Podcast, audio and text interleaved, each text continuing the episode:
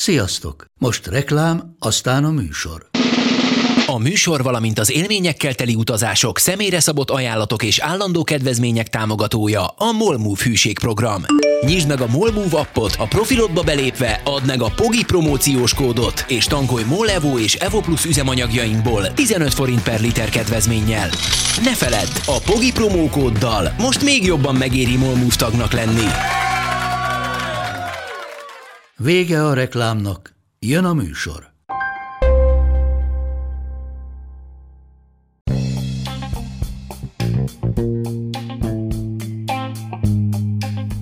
Ez itt a Pogi Podcast. Pogácsa Zoltán közgazdás, szociológus, politikai gazdaságtani podcastja a globális gazdaságról a klímaválság, az automatizáció, a digitális gazdaság, az egyenlőtlenségek és a posztdemokrácia korszakában. Mostani adásban a metaverzumról vitázunk egy jót Kántor Bandi barátommal, Matthew Ball Metaverzum című könyve alapján. A metaverzum az egy nagyon érdekes dolog, hiszen egyszerre itt van már velünk, leginkább a gaming világában, illetve ipari felhasználásokban, de másrésztől pedig sok szempontból még a jövő és a sci kategóriája, viszont nagyon kíváncsiak vagyunk arra, hogy milyen lenne egy második világ, ami ténylegesen működik, és teljesen a virtuális valóságunkat meghatározná. Ki fogja ezt csinálni? Ugye a big tech cégek felvállalják, felvállalnák ezt a feladatot. A Facebook át is nevezte magát Metává, és más big tech multik is készülnek arra, hogy ők hozzák majd létre a metaverzumot, ugyanakkor ez egy ellentmondás, hiszen a metaverzum nem lehet egy cégé, azonnal sokkal bővebb kell, hogy legyen. Milyen technológiai akadályok vannak még, mi kell ahhoz, hogy ez működjön, és hát főleg milyen lenne a gazdasága, tehát merre tartunk abból a szempontból, hogy gazdaságilag mit jelentene a metaverzum. Ilyen kérdésekről vitázunk Bandival ebben az epizódban.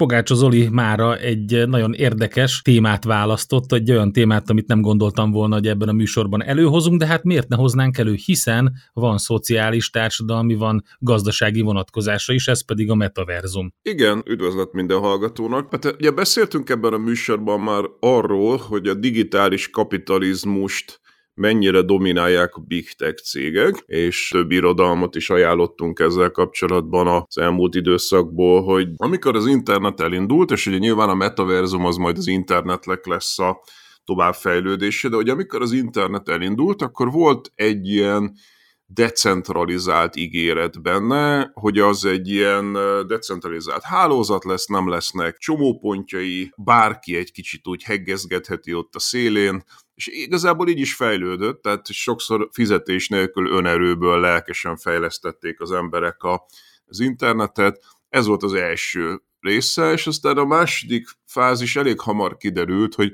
ahhoz, hogy valakinek méretgazdaságossági előnyei legyenek, tehát például megfelelően nagy szerverparkja, vagy megfelelően gyorsan elérjen bizonyos mennyiségű kritikus felhasználót, akkor ahhoz, ahhoz nagyon sok tőke kell, és ezt igazából csak nagy cégek tudják megcsinálni hatalmas pénzügyi támogatással, tehát óriási kockázati cégek álltak be a nagy cégek mögé, és kialakult a Big Tech uralma. Úgyhogy amiben ma élünk, az megint csak egy ilyen teljesen tipikus kapitalisztikus sztori, hogy, hogy nagyon nagy vállalatok uralják az internetet. És akkor Hát ugye itt beszélnek mindenfajta Web 1, Web 2, Web 3 dologról, erre majd szerintem térjünk ki, hogy ezek micsodák, de hogy igazából a második nagy ilyen forradalom az az volt, amikor összekötötte az internet most már nem csak a felhasználókat, hanem ugye a cégekkel, tehát hogy igazából mit tudom én, amikor elkezdtünk ételt rendelni az internetről, meg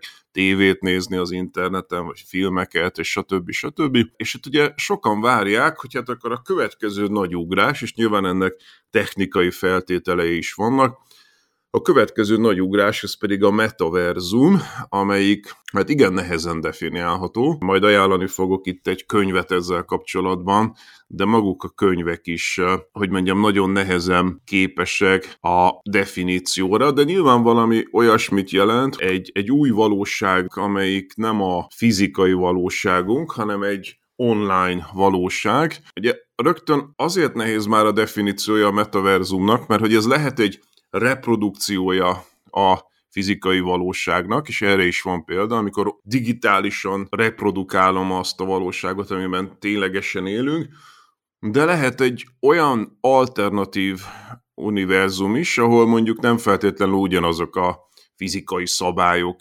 érvényesek, amik a valódi világban, meg nem feltétlenül ugyanúgy néznek ki a dolgok, mint a fizikai valóságban.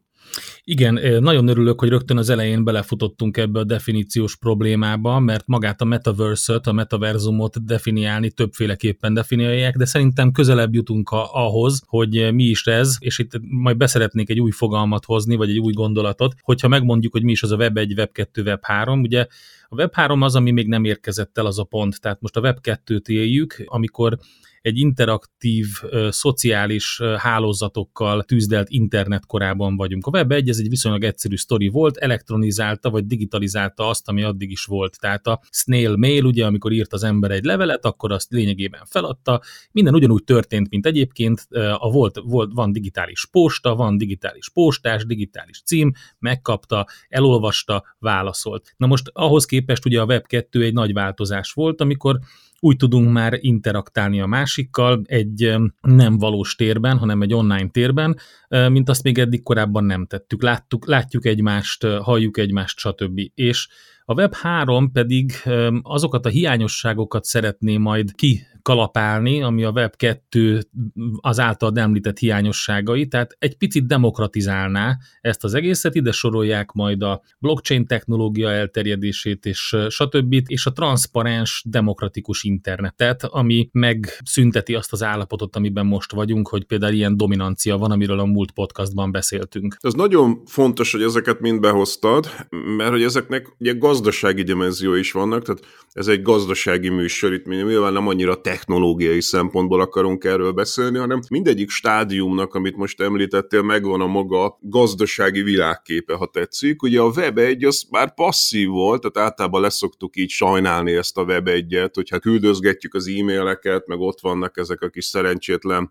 websájtok, amiket mindenki kirakosgat magáról, de hogy milyen egy passzív bugyuta dolog volt, de hát nyilván már az is egyrészt egy nagy előrelépés volt az ahhoz képest, amikor nem volt internet, másrészt pedig hordozta azt az ígéretet, hogy hát itt ez lehetőségeket nyújt az embereknek. Tehát, hogy ugye ez az a korszak, amikor megjelenik, hogyha már könyveket ajánlunk, Thomas L. Friedmannak a Világ lapos című könyve, amit nagyon sokan elolvastak annak idején, és hát gyakorlatilag a 90-es éveknek ez volt a az etosza, hogy hát a világ lapos, bárki bármit csinálhat, néhány kölök Bangalorban csinál egy startup céget, egy online startup céget, és legyőzi a Microsoftot, és innentől fogva nem számít, hogy egy gazdag ország gazdag városában vagy, mit tudom én, New Yorkban, vagy egy faluban Bangalorban, de te, de te győzhetsz. És nyilvánvalóan ez nincsen, tehát hogy ez nagyon-nagyon hamar eloszlott ez az illúzió, és akkor a Web 2, ez már a, egyetemen a Big Tech korszaka, tehát láttuk, hogy a az ismert Facebookok, Google-ok, Amazonok, stb. időszaka lett, de hát ezekben a szolgáltatásokban is, tehát hogy mit tudom én, amikor mondjuk ételkihordóról beszélünk, akkor sincsen belőle 200, hanem mit tudom én, van belőle egy-kettő, meg hát mit tudom én, az Uber, a fuvar szervező app, stb. Tehát, hogy, hogy ezek, ezek monopóliumok, maximum oligopóliumok, és hát ez egy, egy mindenkit zavar, és bizonyos értelemben a Web 3, ami nem ugyanaz a fogalom, mint a Metaverzum, de, de van köztük átfedés, hogy a Web 3 az meg egy erre való reakció lenne. Egyébként nagyon sokat mond szerintem, a, hogy mennyire nincsen baloldal a mai világban, hogy az összes ilyen elképzelés az valójában libertariánus, tehát hogy a piaci fundamentalista libertariánusoknak az elképzelése. A Web 3 ez a decentralizáció, tehát ezek ilyen kripto közeli alakok, akik kitalálják ezeket. Egyébként, hogy mondjam, elvileg, bár én nem szimpatizálok sem a libertariánizmussal, sem a kriptókkal, de egyébként el elvileg tök igazuk van, tehát hogy az a kritika, hogy a big tech cégek dominanciáját meg kell törni, hogy legyen verseny, hogy adjunk esélyt az embereknek, abban egyébként teljesen igazuk van, és nagyon sokat mond a baloldal hiányáról, hogy a baloldal egyetlen nem is reflektál erre az egész internetes problémára, még mindig le van valahol maradva az olajos, overálos, francia kulcsos munkásember szimbolikájánál,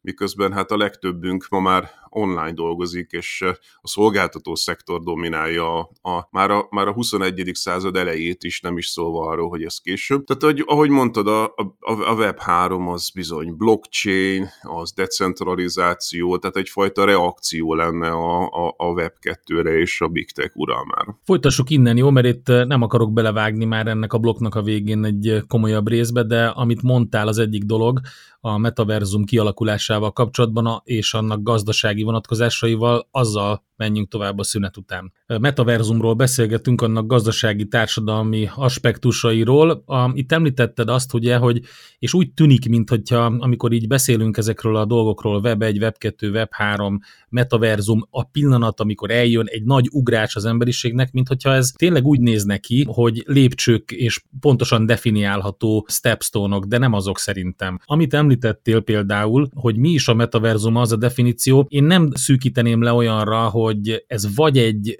szimuláció, ami tökéletesen fedi a valóságot, vagy egy teljesen más digitál. Én azt mondanám, hogy ez egy a téren túli tér és én tágan értelmezném ezt a dolgot, amiben belefér minden, amit említettél. Eznek egy része megvalósult már, és például, hogyha gazdasági szempontból nézzük, tökéletesen működik nagy cégeknél a digitális ikrek fogalma, ahol konkrétan leszimulálnak egy céget, lehet az egyébként egy bank is, de lehet egy gyár, és azzal a digitális ikerrel végzik el azt a szimulációt, amit előtte nem akarnak bevezetni a rendes gyárban, vagy a rendes banknál, megnézik, hogy mi történik. Ez alapján tudnak dolgozni dolgozni. De hogyha a kiterjesztett valóságot is ide vesszük, akkor például a komoly autógyártó cégeknél, formatervezéseknél, de akár az ingatlan cégeknél is most már van, vagy utazási irodáknál úgy adnak el utakat, hogy sehova nem megy az illető, kap egy virtuális valóság maszkot, és be van neki mutatva, hogy milyen lenne a lakás, milyen lenne a ház, milyen lenne az az út, ahova egyébként be fog fizetni. Igen, azt mondtad, hogy nem voltak ezek ilyen ö, lépőkövek, hogy ezt a stepping stones megpróbálom magyarra fordítani. Tehát ugye ez az a kép, amikor a folyón keresztül megyünk, és akkor ilyen kőről kőre lépkedünk. Én itt egy kicsit vitába szállnék veled, hogy ezek nem voltak ilyen lépőkövek, szerint, vagy mérföldkövek, vagy nem tudom, mivel lehetne még ezt jó fordítani. Szerintem voltak egyébként valamennyire, mert hogy ugye ez a technológiai fejlődéshez kötődött. És akkor mondanék egy szerzőt, akit szerintem érdemes elolvasni. Van egy Matthew Ball nevű szerző, akinek a Metaversum című könyvét nagyon ajánlom ezzel kapcsolatban. Ő ott megpróbálja visszakövetni, hogy hogyan alakult ki a metaverzum, és ugye azt mondja, hogy hát először volt egy ilyen nagyon kis adatátvitelű internetünk, tehát a Web 1-et, ezt a passzív internetet, ezt igazából azt határozta meg, hogy nagyon kevés adatot tudtunk egyszer átvinni, és hát akkor egy ilyen, tényleg az e-mail, meg, a, meg egy idő után, úristen, már browserünk is van, az mekkora előrelépésnek tűnt, hogy egy passzív websájtot egy browserbe olvasgattunk, és akkor ahhoz képest ugye az első ilyen metaverzum formátumok, ezekhez kellett az, hogy a chip technológia fejlődjön. Tehát itt ugye ezt érdemes bedobni Moore törvényét, aki hát Moore úr egy a, Fairchild Semiconductors nevű chip cégnek egy alapítója volt, nem régiben halt meg, aki ugye azt mondta, hogy két évente megduplázódik a csipek kapacitása, és ez egyébként eddig baramira be is jött neki, tehát nagyon-nagyon gyorsan, exponenciálisan fejlődött a csipek kapacitása, és egy idő után már lehetővé tette az olyan szimulációkat is, amiket te utaltál, és hát ugye akkor itt behoznám Matthew Ballnak az egyik legfontosabb mondását, hogy a, amire senki nem gondolt, az az, hogy a metaverzum az a játékok területén fog leginkább kifejlődni, tehát vicces módon, miközben igaz, hogy vannak ilyen virtuális utazások, meg virtuálisan, itt amilyen berendezheted a szobádat, stb. De ahol igazán nagy dobással már létezik a metaverzum, az a játékok világa, és ugye itt szerintem nagyon két részre oszlik az emberi társadalom, annak, akik játszanak online játékokat, meg akik nem játszanak online játékokat, akik nem játszanak, azok el se tudják képzelni, hogy mi létezik ott kint a, a gaming világban. Egyszerűen kiépült egy olyan metaverzum folyamatosan, amiről sejtése sincsen. És itt nem akarom behozni, hogy ez egy generációs különbség, mert és sose szerettem az ilyen XYZ generációkat, mert szerintem ezek mítoszok, hogy ilyenek lennének. De hát nyilvánvalóan ugye azért az ismert, hogy a gaming az leginkább a tínédzserek és a 20 évesek körében arat, de hát persze simán játszott gaminggel egy, egy 70 éves is, senki nem tiltja meg neki, csak nagyobb a valószínűsége, hogy a tinédzserek körében ez jobban ismert, és, ez, és az ezzel kialakuló metaverzum is, és ugye még egy, egy utolsó pici dolog, hogy a, a 90-es években a Second Life című game volt az, amelyikkel ezzel először egy ilyen metaverzumszerű, akkor még elég béna grafikákkal, de hogy gyakorlatilag hát benne van a nevében is, hogy Second Life, hogy egy tulajdonképpen a fizikai világon túli életet kezdtek el kiépíteni benne. Igen, abban igazad van szerintem, hogy a Web 1, Web 2 között van egy viszonylag élesnek tekinthető határvonal, amikor a technológiai fejlődés lehetővé tette azt a tovább lépést, de a Web 2, Web 3 között meg már nincsen szerintem. Egy kis kiegészítés, bár egyébként ezt nem sűrűn teszem meg veled, de hogy a, a, a, az Intelnek a társalapítója volt a Gordon Moore, és és onnan terjedt el, hogy ez a, az integrált áramkörökben lévő tranzisztorok számának a 18 havi megduplázásáról beszélt először, aztán ezt ugye kivetítették az egész technológiai fejlődésre ezt a törvényt. Na, de maradjunk ennél a, a gamingnél. Szerintem az a konfúziónak az egyik nagy részét az adja ebben a témában, a metaverzum témában, hogy, hogy nagyon látványosan akarjuk mi elképzelni ezt az alternatív valóságot. És valóban a gaming területén ott már nagyon látványos, hiszen belépsz egy világba, és abban a világban létezel, ott interaktálsz, ott játszol, tehát ez egy teljes másik dimenzió, sőt, koncertekre mész ebben a világban. Tehát például a nagy játékok mind szerveznek olyan eseményeket, ahol híres zenészeket hívnak meg, hogy az ő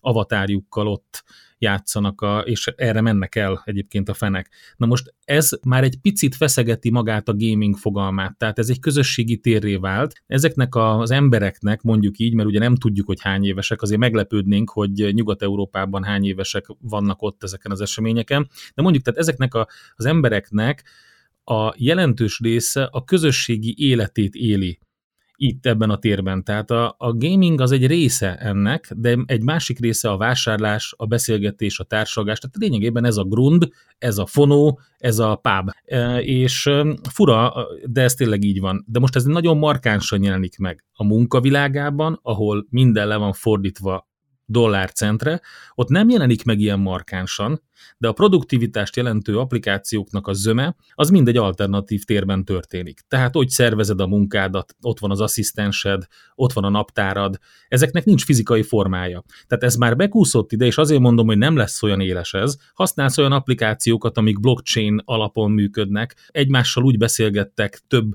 ezer mérföldre is dolgoztak együtt, hogy soha nem találkoztatok személyesen. Akkor ez is annak tekinthető, csak nem egy olyan látványos. Tehát én azt gondolom, hogy itt van a metaverzum, csak a megfogalmazást kell rendbe tenni, hogy megértsük, hogy az micsoda. Ja, míg beszélték, közben rákerestem gyorsan Gordon Moore-ra, és mind a kettőnknek igaza van egyébként, Felcsárnál is, és az Internél is dolgozott, úgyhogy mind a két lottószelvényet. Igazad van szerintem abban, hogy a, a metaverzum az így becsúszik, kúszik az életünkbe, de ebben az értelemben akkor a, a Web2 is becsúszott, kúszott az életünkbe, mert ugye valójában úgy történtek ezek a játékok is, hogy nagyon szerettek az emberek szerepjátékokat játszani, amit egyébként offline is játszanak, tehát én emlékszem arra, hogy nálunk az egyetemen, hogy mondjam, este felé összegyűltek ilyen emberek, és akkor ott ilyen papír alapon játszottak ilyeneket, és sose értettem, hogy akkor ott nem tudom, kiabáltak egymásnak, hogy veszek öt botot, meg hat mókust, és akkor azzal legyőzlek, és így egyszerűen így sose értettem, hogy mit csinálnak ezek az emberek, de... Hát pedig ez minden, a ott... közgazdaságtan alapjait sajátították el, csak teljesen más alapokon, de a Dungeons... Valószínűleg igen, csak nekem ez annyira egy ilyen idegen dolog volt, hogy teljesen komolyan vették magukat, hogy mondjam, jogilag már felnőtt emberek, hogy ott ilyen dolgokat ott vásárol pároltak egymással, meg nem tudom, hogy szóval nekem döbbenet volt, hogy mennyire, mennyire kultusza van ennek a szerepjáték dolognak. És hát nyilván az első számítógépes játékok ezt tették át onlineba, de akkor még grafika nélkül. Aztán voltak ezek a nagyon egyszerű grafikák, amit ugye akkor lehetővé tette Commodore 64 meg ilyenek lehetővé tettek, és akkor onnan kezdett el ez egyre bonyolultabbá lenni, és akkor egy idő után már ugye igényük volt a, a 3D-re, ami ugye valójában 2D, tehát hogy egy, egy két, kétdimenziós képernyőn megjelenítik a, a háromdimenziós teret, de azért az már egy nagy ugrás volt, amikor hát ezek a puffogtatós játékok tipikusan, amikor így menni kell a, nem tudom, egy labirintusba, és le kell lőni Hitlert, meg ezek, tehát mindenki ismeri ezeket a játékokat, és akkor ez már egy óriási ugrás volt, a magas számítógépes kapacitás igényével, és hát ugye akkor nyilván ennek még egy előrelépése, amikor már virtuális valóság van, meg, meg, meg, meg felfejlesztett valóság van, ahol meg aztán tényleg az emberek immerzív metaverzumba kerülnek, tehát hogy az az összes érzékszervükre, szemükre, fülükre, talán még a szaglásukra is rá van kapcsolva egy, egy alternatív metaverzum, és akkor már elfelejtik, hogy ők tulajdon, tehát nem képernyőt néznek, hanem minél jobban elfelejtsék, hogy ők a fizikai valóságban is léteznek. Ez nagyon jó, hogy behoztad az immerzív szót, mert ezt, ezzel akartam folytatni, úgyhogy ez ilyen gondolatátvitel volt, úgyhogy akkor innen folytatjuk a szünet után, a metaverzumról beszélgetünk. Egy picit a definíciónál maradtunk, vagy ragadtunk le az első két blogban, de hogy vizsgáljuk már meg, hogy szerinted hova mehet ez tovább, vagy hogy milyen társadalmi gazdasági vonatkozásai vannak, mert szerintem ez az érdekes, a, az immerzív tapasztalás az egy nagyon fontos dolog, ha esetleg voltál már ilyen komolyabb logisztikai központban, mint például Ferihegyen is van, ahol kamionoktól kezdve, mondjuk nem Ferihegyen, de vonatokon keresztül repülőket irányítanak, akkor láthatod, hogy például mekkora segítség a kiterjesztett valóság egy ilyen operátornak, aki lényegében túl lát a valós terén, és képes mindent észlelni az irodáján kívül is, ami történik. Szóval ez például szerintem egy tök jó példája annak a, a, az immerzív munkakörnyezeti metaverzumnak, ami, ami már létezik és megvan. És ezért nagyon fontos, hát nem véletlenül leragadtunk a, a definíciónál, mert igazából azok is leragadnak, akik ezt a területet fejlesztik. Mert ugye az egy óriási dilemma, hogy mit akarsz te itt a metaverzummal, egyszerűen le akarod másolni a fizikailag létező valóságot, és ezek az ipari felhasználások ezek ebbe az irányba mennek, hogy minél jobban leképezni azt a tényleges valóságot egy digitális valósággal, mert ez segíti a munkát. A másik lehetőség pedig, hogy létrehozni egy olyan alternatív valóságot, és ugye a mellettével Matthewból, hogy ez két különböző irány, és már ezért is nagyon nehezen alakul ki a metaverzum, mert ugye az ő példája egyébként a, a Flight Simulator, a, a Microsoftnak a repülőgép szimulátora, ami abba az irányba ment el, hogy tökéletesen lemásolja a valóságot, tehát hogy a legfejlettebb verziója a repülőgép szimulátornak, az a valódi világ, valódi fizikai valóságában repülsz, tehát alattad ott van a tényleges föld, amit mit tudom én, a, ahogy ugye a Google earth meg a Google Street View-n látod a, a, a felvett valósága a valódi földnek, valódi felhőkkel, tehát valódi éppen aktuális időjárás viszonyokkal. Tehát tényleg abban repülsz, tehát ha mit tudom én most éppen India fölött repülsz, akkor tényleg India van alattad a fizikai valóságában, és amilyen idő éppen ott van, sőt, most már azt is meg tudod csinálni, hogy ott repkedsz az éppen akkor ott repülő repülők között. Tehát, hogy arra törekszel, hogy mit tudom én, a, a jobb szárnyán a repülőnek tükröződjön vissza az égei tenger, úgy, ahogy az mondjuk éppen Aténban látszana, amikor leszállsz az aténi repülőtérre. Szóval ez valami hihetetlenül a, a, a valóság döbbenetes adat átviteli és adattárolási szükséglettel. A másik meg ugye a játékok, és ugye azt mondja Matthewból, hogy nem véletlenül a játékok fejlődtek, és ugye ez, itt, itt brutális számok vannak, nagyon-nagyon sokan játszanak játékokkal, és ott megjelent a, az általunk ismert valóság is, tehát hogyha valaki mondjuk nem ismerte a Second Life-ot, vagy ezeket a játékokat, ott tényleg eh, ott vannak a, a fizikai gyártók, tehát megjelent, lehet venni Nike cipőt, meg Adidas gatyát a, a, a metaverzumban, a, az avatárodnak, tehát magát az avatárt is, amely egy szanszkrit szó, és alászát istenséget jelent, de hogy ez ma már bevett módon a te saját másolatod a, a, a Second Life világban, és az van, amit mondtál, hogy ott élnek az emberek, ott eh, van, aki számára az egy fontosabb világ, mint, eh, mint az, amiben fizikailag élt. Tehát tanárok panaszkodnak, bejönnek reggel a gyerekek, és nem tud kilépni a Second Life valóságából, tehát azt az avatárt játsza tovább, vagy adott esetben mondjuk, mit tudom én, dinoszaurusznak képzeli magát egész nap a gyerek, mert, mert egyszerűen nem tud megszabadulni attól, hogy ő a Second Life-ot fontosabbnak tartja, mint a First Life-ot, ez ma már van. És akkor ott megjelennek bankok, tehát ott nyithat számlát, ugye tőzsde is nyílt, megvan a saját kis pénze, ezekben, amiket egyébként le lehet aztán váltani mondjuk dollárra adott esetben, és ma már van olyan, hogy Kínában cégek felvesznek arra embereket, hogy játszanak egész nap, és játékkal keressenek pénzt, amit aztán ugye visszaváltanak dollárra, de hogy ugye ez már önmagában felveti a kérdést, hogy ez meddig játék és meddig a gazdaság része, de hogy itt ugye a, a játéknak az a lényege, és azt mondja a Matthew, hogy két okból a játék az, ami, ami hol először nagyon elterjedt. Az egyik az, hogy játékban nem vársz el olyan iszonyatosan jó rezolúciót, tehát hogy nem kell nagyon hasonlítani a, a, a fizikai valóságra, megengedőbbek a gémerek, hogyha nem teljesen úgy néz ki, hogy ezt a ipari felhasználásban ez életveszélyes lenne. A második, meg hát, hogy ott ugye mondjuk nem is várod el, tehát mondjuk egy játékban, hogyha ez egyik helyről a másikra egy egyórás buszúttal jutnál el, az baromi unalmassá tenne a játékot. Tehát nem az van, hogy felszállsz egy kék buszra, és akkor egy órán keresztül utazol a játékba, hanem ott ugye vannak ezek a teleportálások, tehát hogy az ott, az ott nagyon más irányba viszi el a dolgot, mert ott nem a valóságot képzeled el, hanem egy sokkal jobb valóságot, ahol puty, egyik helyről eljutsz a másikra, és nem kell egy órát utaz. Tehát ez, ez két tök ellentétes irányba viszi el a dolgot. Igen, kicsit a játékos tőzsdés részt azt kiegészíteném, mert itt szerintem meg kell különböztetni egy pár dolgot, de az biztos, hogy nagyon sok olyan van, amikor megjelenik a valós világnak, tehát a fizikai világnak a teljes logikai rendszere és lenyomata, és ezt úgy hívják ezt a folyamatot, amit te mondtál, hogy farmolás ezekben a játékokban. Nagyon sokféle verziója létezik, de egyébként van olyan, hogy több játékban bizonyos tárgyak sokat érnek abban a, abban a játékbeli pénznemben, amit egyébként nevezhetünk bármilyen fizetőeszköznek, tehát ez egy konvertibilis valuta, mert hogy ezt egyébként meg lehet, tehát vannak olyan emberek, akik hivatásosan ezzel foglalkoznak, hogy annyi időt töltenek ezekkel a játékokkal, hogy kifarmolják ezeket a tárgyakat, tehát előteremtik, kiássák, megszerzik, lelőnek egy csomó mindenkit hozzá, stb., kinyitnak egy ládát, valami, majd utána magát a karaktert, amit fölépítettek, azokkal a tárgyakkal felruházva áruba bocsátják. Ennek van egy másodlagos piaca, az egészet accounttal együtt, mindennel együtt meg lehet venni. Úgyhogy, és egyébként ebből, ebből ebből vannak olyanok, akik legendás vagyonokra tettek szert, ezeket elég jól is ismerik a gamer körökben, ami tovább hajtja ezt a fajta tevékenységet. Tovább hajtja, de Matthew Boss szerint egyben meg is öli. Tehát azt mondja, hogy hogy igen, egy csomó mindenki azért lép be, hogy, mert hogy meggazdagodás reményében. Ez, de az a dolog, ami az elején a hobbit, de utána megélhetésé válik, az már nem, nem szórakoztat utána.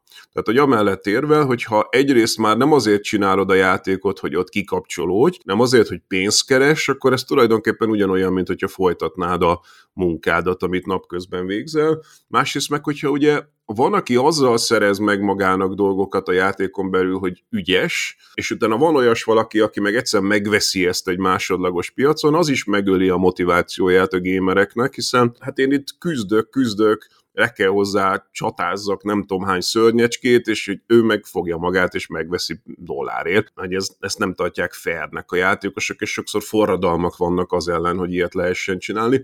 Szóval ez egy nagyon-nagyon bonyolult dolog már ezen a ponton, hogy hogyan viszonyul a, a valódi gazdasága a metaverzum gazdaságához, meg ugye felveti azt a kérdést, hogy át lehet-e vinni ezeket a dolgokat az egyik játékból a másikba. És ez egy nagyon-nagyon fontos dolog, és itt már elkezdünk oda, hogy ki fogja uralni a metaverzumot, és azt majd ugye beszéljük meg a következő lépésben, de hogy, hogy ha csak mondjuk ugyanazokat az eszközöket csak egy játékban használhatod, de egy másik játékban már nem, akkor ez itt nagyon, nagyon komoly problémákat vet fel. A metaverzumról beszélgetünk ebben az adásban, maradjatok velünk. A transfer hogy működik? Én azt gondolom, hogy működik a transfer, de nem egészen pontosan úgy, ahogy te értetted. Tehát, hogy az egyik alternatív valóságban megszerzett tárgyat, eszközt, bármit, hogyha nem használhatod a másikba ugyanazt, akkor ez azt mondtad, hogy ez problémákat vet fel.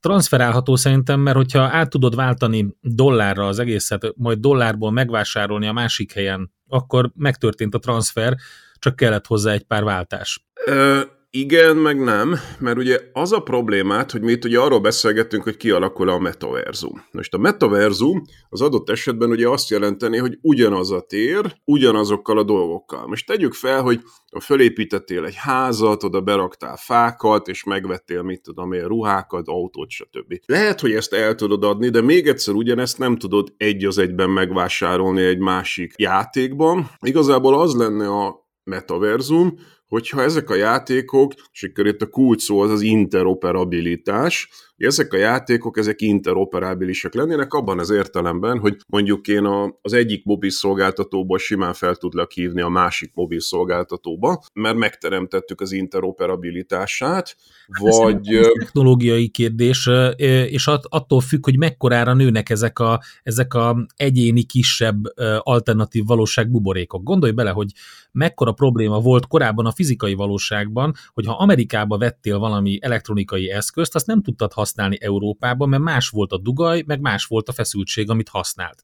Tehát a valós világban is megvoltak ezek a fajta korlátok. Tökéletes a példa, abszolút, ezt használja Matthew Ball is. Hogy ugye mekkora vita volt például, hogy milyen töltővel töltjük a mobilokat, és ugye akkor 15 éve harcol az Európai Unió, hogy ugyanazzal a töltővel tölthessük, és nem véletlenül nem tudtuk tölteni, mert bizonyos mobilok ragaszkodtak hozzá, hogy csak az ő töltőjükkel lehessen tölteni. Miért? Mert ezzel tudtak pénzt csinálni, és ugyanez van a, a metaverzumban is, hogy ő nem nagyon szereti azt, hogy te egy másik játékban megvásárolt szépen a cuccaidat, és áthozd ebbe a játékba, mert az számára anyagi veszteség. Tehát lekorlátozzák ezek a, és ezek nem metaverzumok. Tehát az, amit nagyon hangsúlyoz a Matthew hogy egy cég nem uralhatja a metaverzumot, ahogy egy cég nem uralhatja az internetet sem. Tehát, hogyha mondjuk a, a Google lenne az, az internet, és kezdünk e felé haladni, de hogy az nem az internet lenne, hanem a, az internet az nagyobb, mint a, a Google, vagy nagyobb, mint a Facebook, és ebben az értelemben a metaverzum sem lehet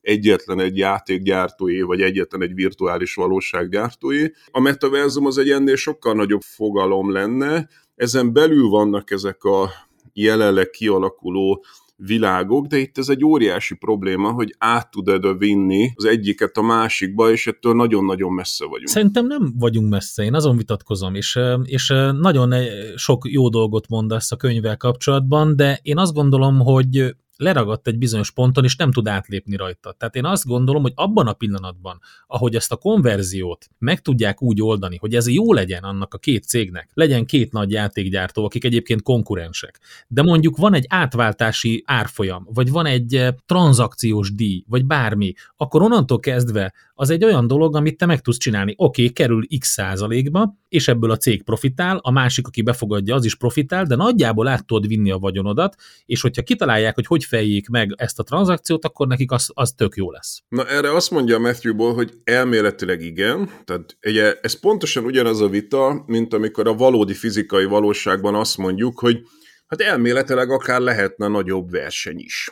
Csak aztán valahogy a végén még sincsen, mert hogy a kezdetektől fogva az a nagyvállalatoknak a stratégiája, hogy lekorlátozza a versenyt. Tehát ez az, amit újra és újra mindenfajta dimenzióban és valóságban próbálok hangsúlyozni, hogy a kapitalizmusnak nem az a sajátossága, hogy a minél nagyobb verseny felé törekszik, hanem pontosan az a sajátossága, hogy minél nagyobb szereplő lesz valaki, annál inkább azon dolgozik, hogy lekorlátozza a verseny. Tehát elvileg ezek lehetséges dolgok, csak a gyakorlatban ezeket nem nagyon szeretik azok, akik kialakítják a metaverzumot. De itt van még egy dolog egyébként, ez pedig a fizikai korlátai ennek a dolognak, és akkor erről is még azért két szót szóljunk, amit Matthewból kiemel, hogy hát léptékek léptékekkel nagyobb a metaverzumnak a, az adat igénye, mint a, akár csak a Web2-nek is, lévén, hogy hát itt ugye gyakorlatilag 360 fokban le kellene modellezni nagyon-nagyon jó felbontásban a teljes világot, és ezt olyan adatátvitellel kellene nagyon sok számú szereplő számára azonnal átadni, tehát ugye itt mit csinálsz, itt valójában letöltesz egy valóságot, mert hogy nem lesz ott sosem a te számítógépeden, mobilodon, headseteden, virtuális valóság fejgépeden, nem lesz ott a teljes metaverzum, mert ott állandóan töltöd lefelé, de ugye hangsúlyozza Matthewból, hogy a a streaming, amit ma azt gondoljuk, hogy a streaming az más, mint amikor vagy letöltesz egy filmet, vagy streameled, vagy valójában amikor streameled, akkor is letöltöd, csak nem tudsz róla, de akkor itt tőle folyamatosan le kell töltsd ezt a valóságot, és ráadásul úgy, hogy ez nem akadhat. Tehát, hogy ezt úgy hívják, hogy látencia, nem akadhat a valóság, mert akkor elveszik az illúziót, és nagyon gyorsan kell ennek történnie. Lag, és képzeld el azt, játékos nyelven laggolás, ezt, ezt üvöltik teljesen idegben a játékosok, amikor nem tudnak jól célozni és lőni, mert már rég nincs ott a másik, akkor laggolok. És ezt nem szabad, hogy történjen, mert akkor, akkor ezt nem szeretik, akkor elveszik az illúziót. És ugye fizikai korlátok vannak, tehát hogy egyrészt brutális adat, tömeg, amit valahova le kell menteni, és azt mondja matthew hogy még nagyon messze vagyunk sajnos attól, hogy ez, ekkora kapacitásaink legyenek adat tárolására, és még nagyobb probléma az adat átvitel, tehát hogyha te mondjuk Japánban ülnél, én meg mondjuk Európában, vagy New Yorkban, akkor egyszerűen a, a, az optikai kábeleknek az adatátviteles sebességének a, a maximum fizikája is az, hogy olyan, és itt nagyon-nagyon érzékenyek vagyunk, tehát hogy a másodpercnek egy tört részét is érzékelni tudjuk, és sajnos egy, egy, egyébként lesz ilyen, nem tudunk virtuálisan ugyanabban a térben lenni, szóval, hogy ő, ők szkeptikus azzal kapcsolatban, hogy egyáltalán megvalósítható ez, nagy távolságokra a fizikai korlátok. Abszolút vannak ilyen korlátok, de én most akkor két dolgot mondanék így a vége fele ide. Az egyik az, hogy én szerintem, és azt gondolom, hogy ő még mindig abban a nagyon éles váltásban hisz, amikor ez a tökéletesség megvalósul. Én pedig abban hiszek, hogy ez már itt van, részeiben megvalósult, ezek valamilyen módon organikusan vagy versenytorzító módon, de fejlődni fognak, és valami módon össze fog érni. És ha megnézed a statisztikát, életünknek az 50%-át éljük digitális térben, ez egy átlag statisztika jelen pillanatban, van, aki sokkal többet, és életünknek és az energiánknak a több mint 50%-át töltjük fel a, a digitális térbe. Ez az egyik. A másik, a mesterséges intelligencia fejlődése az szerintem egy kardinális pont ebben. Jelen pillanatban ugye messze vagyunk attól a szingularitási ponttól, amikor el fog érkezni, tehát a szingularitásnak ugye a fekete lyukaknak a analógiájára hívják azt, vagy a, a, a tér torzulásának a, a miatt hívják azt, amikor elérkezünk arra a pontra, hogy a mesterséges intelligencia az emberi intelligenciát meghaladja. A számítási kapacitás ilyen szintű növekedése az meg ellensúlyozni fogja azokat a fizikai, technológiai korlátokat, szerintem. Na, abban a vicces helyzetben vagyunk, hogy ezekben a beszélgetésekben ez szokott lenni az a pont, ahol te azt szoktad mondani, hogy Pogi, te egy optimista és naív ember vagy, én meg ezen mosolyogni szoktam, és most megfordult egy kicsit a helyzet, és most te vagy szerintem egy, egy naív és optimista ember ebben a technikai térben, én is, amielőtt elolvastam a könyvet, és ezért ajánlom mindenkinek a könyvet, mert én is nagyjából úgy mentem neki, hogy hát technikai értelemben nagyon sokszor megleptek már minket, sokkal gyorsabban fejlődött a technológia, mint gondolnánk, és hát majd áthidaljuk ezeket a gazdasági korlátokat, de legalább abból a szempontból érdemes elolvasni Matthew Metaversum című könyvét, hogy hogy elgondolkodtat minket, hogy jó, lehet, hogy megoldjuk, de mik azok a technológiai és gazdasági korlátok, amelyekkel mégiscsak szembenézünk, és milyen időtávon, tehát hogy ez, ha meg is valósul, akkor ez nem holnap lesz. Ő is egyébként hasonlót mond, hogy nem kizárt, hogy ez megvalósul, csak egyszerűen végig gondoltatja velünk azokat a korlátokat, hogy miket kell még áthidalni ahhoz, hogy ez megvalósuljon, és hogy ne, ne gondoljuk azt, hogy az a nagyon gyors fejlődés, amin mint átmentünk, tehát hogy egy csomó példát hoz arra, hogy pár évvel ezelőtt még maguk a technológia fejlesztői is sokkal optimistábbak voltak a, az időtávot tekintve, és ahogy csinálják, tehát ezért nagyon fontos csinálni ezeket a dolgokat az zöld átmenetre, és mindig ezt szoktam mondani, csináljuk, akkor meglátjuk azokat a fizikai korlátokat, amiket át kell majd hidalni. Ha nem csináljuk, nem látjuk meg, és hogy mivel ez, ez egy létező dolog, tehát egyetértek veled, hogy már ma egy létező dolog, mivel ezt már lassan egy évtizede intenzíven csinálják, ezért ma már jobban látják azokat a korlátokat, meg azt az időtávot, hogy ez mikorra fog megvalósulni. Ezzel teljesen egyetértek, csak én azt úgy gondolom, hogy hasonló, mint a nyelv. Tehát ugye vannak ezek a nagyon ilyen rideg nyelvészek, akik a, a bepróbálják betonozni, jégbe önteni a nyelvet, ami egy organikus valami, és nem fog ezeknek a szabályoknak engedelmeskedni, függetlenül attól, hogy lefektettük őket. És, és az a nagy kérdés, hogy ki fogja csinálni igazából. Tehát, hogy, hogy, hogy szerintem az is egy óriási kérdés, hogy ez olyan tőkeintenzitású dolog, olyan brutális tőkeintenzitású, hogy nagyon félő, hogy itt megint a big tech. Tehát nem is feltétlenül okay. ugyanazok a big tech cégek, akik most vannak, de hogy nagyon-nagyon jó lenne hogy, és itt akkor egy platformba kerülök a libertariánusokkal, hogy ez decentralizáltan Web3-as formában sokkal jobb lenne, de nagyon-nagyon félő, hogy nem így fog megtörténni, és azért annak van egy ilyen félelmetes, aggasztó sci vonatkozása, hogyha hogy a metaverzumot a na- nagy cégek fogják megpróbálni maguk alá gyűrni, tehát mondom, elméletileg sem lehet a metaverzum egy nagy cég, de ez attól még nem, nem állítja meg a nagy cégeket, hogy megpróbálják a metaverzumot saját maguk alá gyűrni, és az meg aztán tényleg aggasztó lenne. Igen, az a Minority Report, akkor jutunk el odáig. Úgyhogy Philip K. Dick nyomán ugye a híres film, amit csináltak belőle, kettőnek nem sok köze van egymáshoz, csak gondolatban. A legvégére hat hozzak be egy vicceset erre a, a Big Tech-re és a, az egészre. Most láttam egy baromi jó mémet, hogy leleplezték a chat GPT-t, és tudod, ki volt valójában? Az a game kapocs, az a, az a Microsoft Assistant nevű idegesítő, ami gyakorlatilag mindenki, amint meglátta, állandóan kilőtt, és senki semmire nem használta, az a hülye, hülye nagyszemű game kapocs, aki ott zavarta a munkánkat a mikor volt? Ez a 90-es évek vége felé. Igen, óriási poén szerintem, és az a helyzet, hogy van benne igazság, azért nevetünk rajta. Sőt, sőt, az gyakorlatilag már úgy fejlesztette a Microsoft annak idején, hogy akkor már a mesterséges intelligenciával tudatosan foglalkoztak. Nagyon szépen köszönöm, érdekes beszélgetés volt, hogyha szeretnétek hozzászólni, tegyétek meg a Pogi Blog Facebook oldalán, ahol majd elérhető lesz ez az epizód is és a Spotify-on is meg lehet minket hallgatni, fel lehet iratkozni. Köszönöm szépen a beszélgetést. Köszönöm szépen én is, sziasztok!